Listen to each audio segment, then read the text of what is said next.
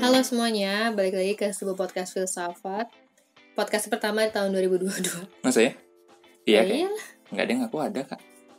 itu Kayak- tahun berapa? Itu kan udah terakhir Ya udah sampai akan sampai lupa tahun itu itu? Ya kayaknya ini yang pertama ya, tahun 2022 Berarti selamat tahun baru. Selamat tahun baru, iya Selamat banget. Oke, Mulai aja deh. mulai aja ya Dari judul kita kali ini kelihatannya podcast kita mulai ke genre yang horor-horor nih Apa mau ikut-ikutan tren horor apa Gimana? gimana nih? Ya enggak lah. Maksudnya emang pada percaya cerita yang bisa dipalsuin ya? enggak sih. Apaan? Nggak, maksudnya roh yang di judul itu maksudku adalah jiwa yang ada pada diri gitu.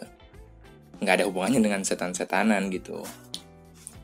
Oh nggak ada Ya Gue pengen jadi genre horor gitu loh Yaudah kita mulai episode ini dari mana nih? Em, kita mulai dari sebuah insiden yang terjadi pada 13 September tahun 1848. Jadi seorang pekerja rel kereta api bernama Phineas Gage, eh, seperti biasa dia bekerja meledakkan batu untuk membukakan jalan yang nanti akan digunakan sebagai jalur rel kereta api. Namun naas, ledakan terjadi pada saat yang tidak semestinya. Hmm. Phineas adalah orang yang paling dekat dengan ledakan tersebut. Dan sialnya, sebuah besi panjang menusuk kepalanya dari rahang bawah nih, hingga menembus kepalanya. Tapi ajaibnya ya, dia selamat dari insiden yang mengerikan tersebut. Namun ada suatu perubahan drastis yang terjadi pada dirinya. Kas luka? Ya tentu dia ada bekas luka ya dan harus kehilangan satu matanya. Tapi yang menarik dari kasus ini adalah dan yang membuat para neurolog, psikolog dan ilmuwan neuroscience gitu heran adalah Phineas Gage sebelum insiden dan sesudah insiden adalah dua orang yang benar-benar berbeda. Phineas yang sebelum insiden adalah orang yang ramah, bertanggung jawab, dan bekerja keras. Pada disukain lah sama teman-temannya. Namun, Phineas Gage yang setelah kecelakaan menjadi pribadi yang tidak terlalu menyenangkan menurut teman-temannya. Dan bukanlah Phineas Gage yang dulu mereka kenal. Lah kok bisa? Apa karena besi yang tadi itu ngerusak berapa bagian otaknya tuh? Makanya dia jadi kayak gitu. Secara intuitif, pasti kita mengira gitu. Dan para ilmuwan juga menduga insiden tersebut lah penyebabnya dan menjadikannya kasus pertama yang mengaitkan kondisi otak dengan kepribadian. Terus masalah ini filosofisnya di mana nih? Bukannya ranah neuroscience dan psikologi nih, bukan sebuah podcast filsafat nih harusnya. dokter maksudnya ini ya. Em, gimana ya? Eh, permasalahannya adalah pada umumnya kita sebagai manusia mempunyai suatu ide bahwa pikiran kita itu terpisah dari badan kita. Ya ada yang bilang kesadaran, ada yang bilang jiwa. Kebanyakan bilang itu roh gitu ya. Seperti itulah. Tapi bagaimana suatu kejadian fisik merubah sesuatu yang bersifat non fisik? Itu nggak nggak masuk akal gitu kan? Jika memang dirimu atau jiwa berbeda da- dengan badan, seharusnya apa pun yang terjadi dengan tubuh fisik tidaklah mempengaruhi sifat-sifat dari jiwamu. Ya juga sih ya, seharusnya nggak ada sifat yang berubah kalau emang ya pikiran kita atau jiwa kita ini bukanlah benda fisik dan berbeda dari badan jasmani nih. Kecuali ya kalau sebenarnya pikiran dan tubuh atau lebih tepatnya di sini otak ya, merupakan satu kesatuan. Jadi ya roh itu ada nggak sih?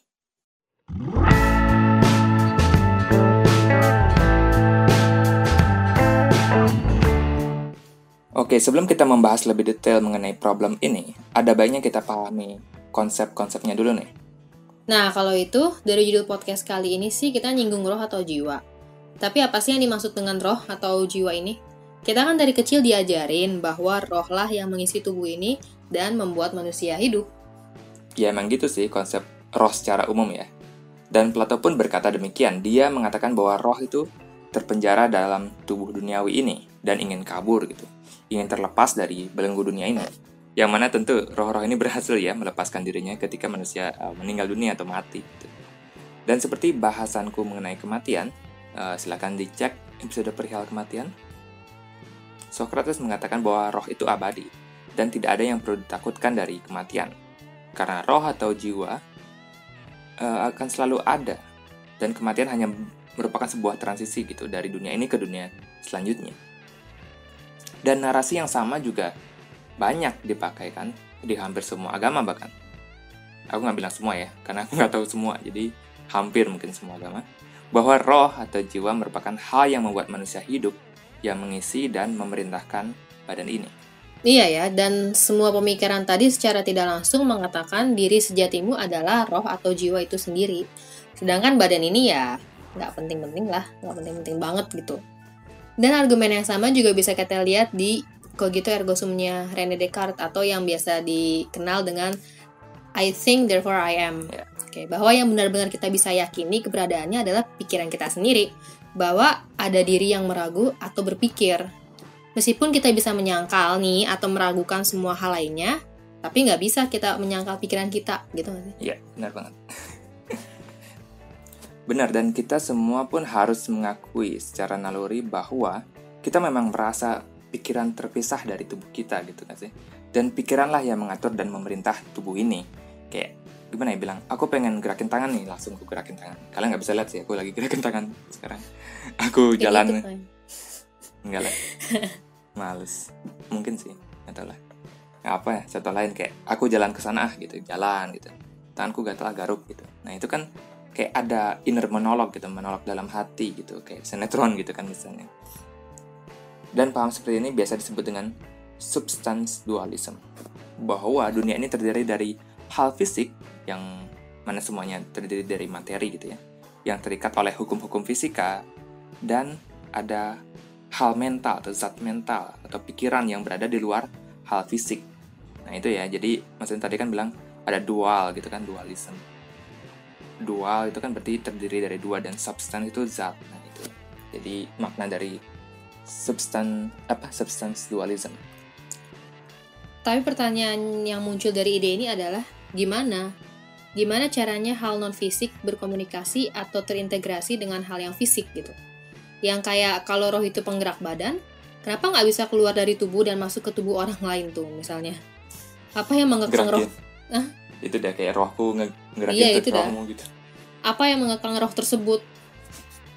Ya inilah yang disebut dengan the mind body problem gitu ya, atau persoalan pikiran dan tubuh. René Descartes menjawab persoalan ini dengan mengatakan bahwa pikiran dan tubuh terkoneksi dan terikat di bagian pineal gland gitu ya, yang ada di otak. Tapi jawaban itu kurang memuaskan lah dan tidak menyelesaikan permasalahannya karena ya bagaimana bisa pineal gland yang merupakan hal fisik terkoneksi dengan pikiran yang merupakan hal non fisik ya masih tidak menjawab uh, jawabannya René Descartes. Jadi dengan berbagai permasalahan tadi ada kemungkinan insting kita selama ini itu salah yang ada ya cuma hal fisik, tidak ada hal yang bersifat non fisik atau spiritual atau mental atau apalah itu. Um, iya, itu merupakan salah satu jawaban yang beberapa filsuf modern gitu ya dapatkan dari mind body problem ini. Bahwa semua hal yang kita rasakan ini, kesadaran yang kita rasakan nih, pikiran ini, jiwa ini gitu, merupakan hal yang dihasilkan oleh otak gitu. Yang mana merupakan benda fisik. Jadi jadi pemikir-pemikir ini melihat dunia hanya terdiri dari uh, zat fisik atau hal fisik gitu ya. Dan pandangan ini uh, biasa disebut dengan reduktif uh, physicalism. Jadi semua yang ada di pikiran kita sebenarnya bisa dijelaskan secara fisik. Iya, dan kayak cerita uh, Phineas Gates tadi gitu kan. Atau bahkan yang sederhana aja deh. Gak harus kecelakaan parah gitu dan merusak sebagian otak gitu. PMS aja deh misalnya perubahan dalam hormon gitu yang bikin bisa bikin kamu mood swing gitu kan dari awalnya tiba-tiba senang aja tiba-tiba langsung sedih atau marah-marah gitu nggak jelas ke aku gitu kan apakah kamu bisa bilang kamu fully in control gitu kan pada saat kamu PMS atau hormon tubuh fisik gitu yang menguasaimu ya ada juga gitu kasus yang lain yang orang tiba-tiba menjadi pedofil gitu pada padahal dulunya enggak ternyata setelah di scan gitu otaknya ada tumor gitu dan setelah tumornya dicabut di remove gitu kan kemo dan lain-lain, kecenderungan pedofilnya hilang gitu. Nah inilah yang membuat fenomena ini menarik gitu. Jadi kita ini apa? Gitu kan? Diri ini apa? Gitu. apakah benar ada jiwa yang mengontrol kita atau otak, hormon atau bahkan tumor lah yang mengontrol manusia bukan jiwa gitu ya. Berarti bisa dibilang diri manusia itu adalah murni benda fisik kan ya, kalau dari sudut pandang reduktif physicalism. Dan bukti-bukti yang kamu sebutin tadi itu ya, juga cukup membuat kita meragukan konsep substance dualism atau meragukan adanya tubuh dan pikiran yang terpisah. Tapi pasti ada dong yang mengkritik pandangan ini. Ya pasti. Uh, contohnya ini uh, Frank Jackson gitu ya, dalam artikelnya yang berjudul Epiphenomenal Qualia gitu ya membuat sebuah eksperimen pikiran nih untuk menyangkal fisikalisme.